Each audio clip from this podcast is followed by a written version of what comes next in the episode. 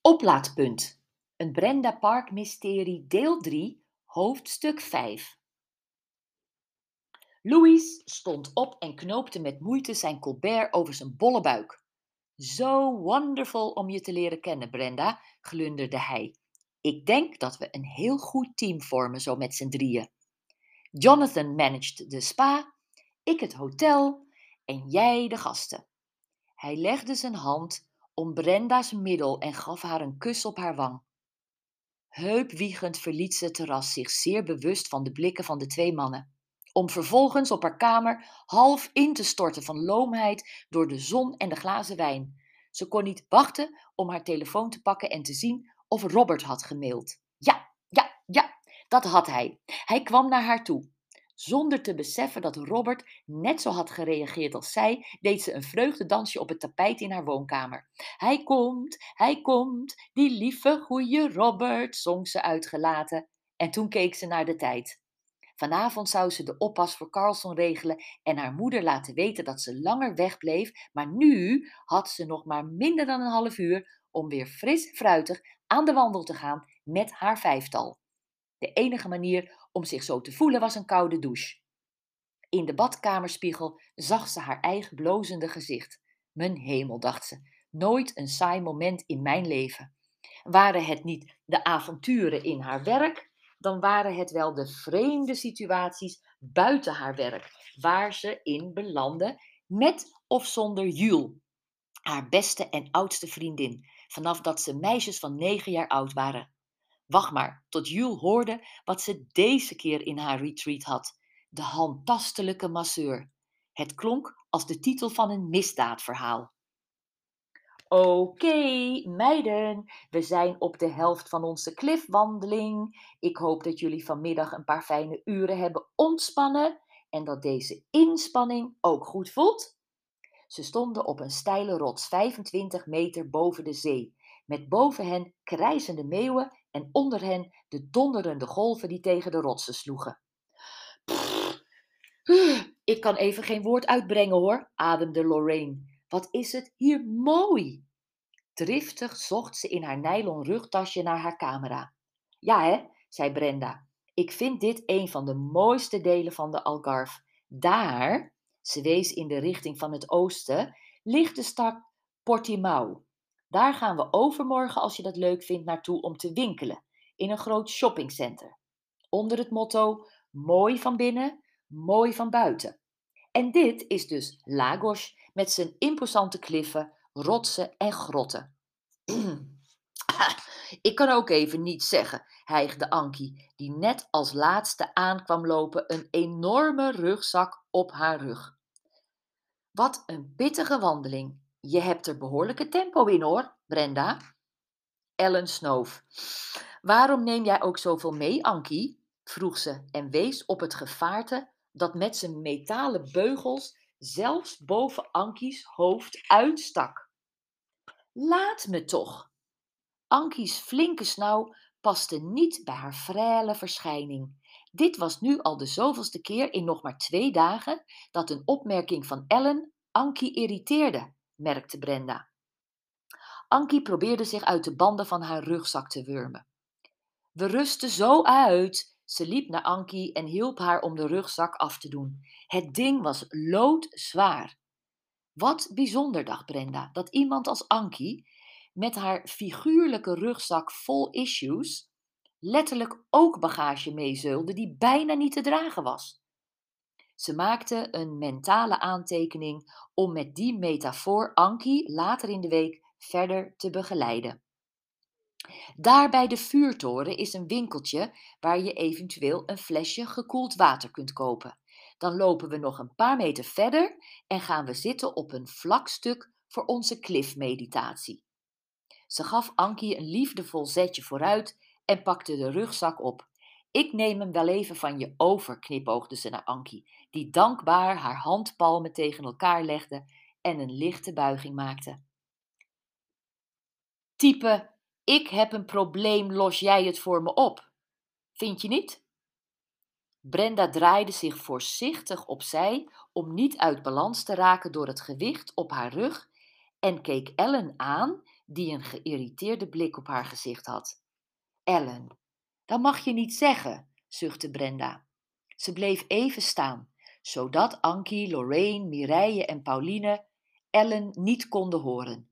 Ellen was duidelijk de stemmingmaakster in de groep en lang niet altijd op een positieve manier. Ellen, je weet niet hoe het zit met Ankie. Niets is wat het lijkt, dat moet jij toch weten? Ik neem aan dat je veel van dergelijke situaties meemaakt in je incassowerk. Ja, dat kan wel zijn, maar ik heb een hekel aan mensen die hun shit op een presenteerblaadje leggen en aan jou geven. En als je dan wat oplost, komt de volgende misère er alweer aan. Je wint het nooit met die types. Brenda keek weer rechtuit en liep achter Mireille, Pauline en Lorraine aan, die zich een paar meter verderop liefdevol over Enki, Ankie ontfermden. Ik snap wat je zegt, Ellen. Daarom leer ik mensen ook om te gaan vissen in plaats van dat ik ze altijd maar het visje toewerp. Dat is veel te makkelijk. Maar een ongezouten mening geven aan iemand die jij niet kent en waarvan je niks weet, dat is gewoon niet aardig, Ellen. En ik wil graag dat je daar een beetje op let. Vooral met Ankie. Ze klapt helemaal dicht van schrik en kan zich daardoor niet goed opladen. Wat natuurlijk wel de bedoeling is. Ze hoorde Ellen een beetje brommen. Je hebt gelijk, Brenda, zei ze na een korte stilte. Ik zal me inhouden en me niet zo naar uitlaten tegen Ankie. Hoe zei jij het ook weer zo mooi vanmorgen bij de workout? We zijn slechts gast in het leven van een ander. Maar, daarover gesproken, hoe is het met die gast die masseert? Die stapt toch echt over de grenzen van andermans leven heen. Heb je wat van gezegd? Ik zag je lunchen. Ik kom daar vanavond op terug. Brenda had geen zin in het onderwerp Jonathan. Ze voelde zich zo'n slappeling dat ze niets gezegd had en zich door hem had laten inpakken. Oké. Zwijgend liep Brenda over het smalle rotspaadje, voor Ellen uit, die luidkeels begon te zingen.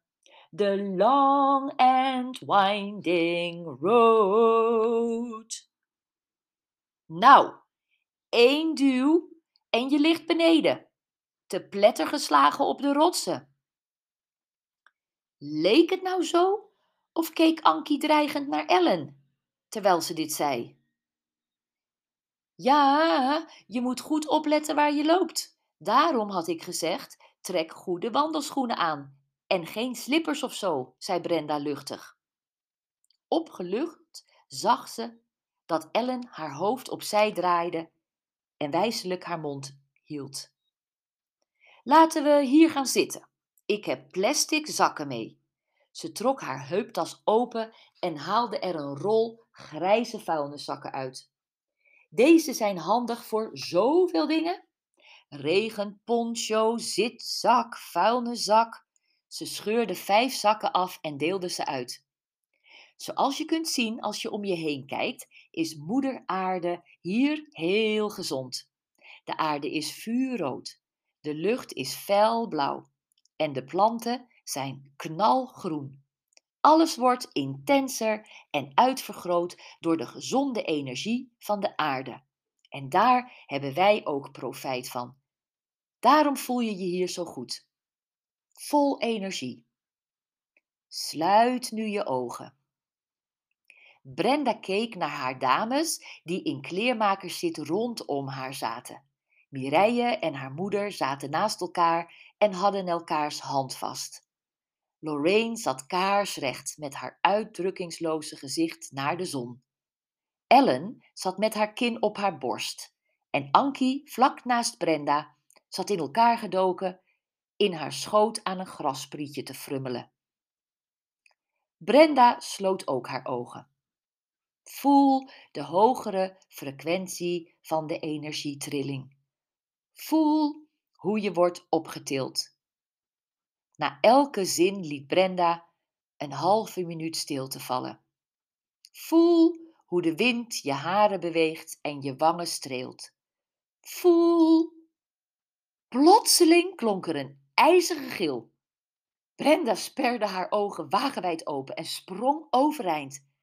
De anderen hadden, door de diepe ontspanning waar ze in weggegleden waren, iets meer tijd nodig, maar deden één voor één hetzelfde. Wat was dat? riep Mireille verschrikt. Wie was dat? Ellen liep voorzichtig naar de rand van de klif. Waar is Lorraine? Pauline's stem klonk angstig. Brenda's hart sloeg over. Lorraine's vuilniszak werd door een windvlaag gegrepen, dwarrelde over de klif en verdween uit zicht. Brenda keek naar Ellen, die over de rand hing en naar beneden keek. Ze hief haar gezicht, keek Brenda aan en met een ernstige blik in haar ogen schudde ze haar hoofd.